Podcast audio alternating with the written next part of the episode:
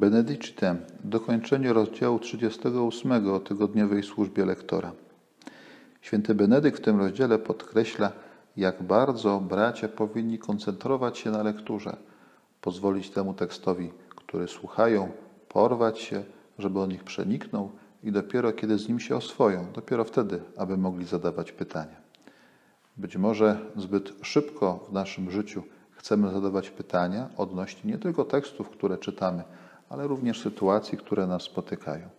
Na samym początku spróbujmy, tak jak święty Benedykt radzi odnośnie tekstu, oswoić się z rzeczywistością, która nas spotyka, spojrzeć na nią z różnych stron, pochodzić sobie troszeczkę, tak żeby stała się częścią naszej duszy i dopiero wtedy, e, dzięki pomocy Ducha Świętego, będziemy w stanie rozeznać, ocenić i właściwie zapytać o to, co nas spotyka.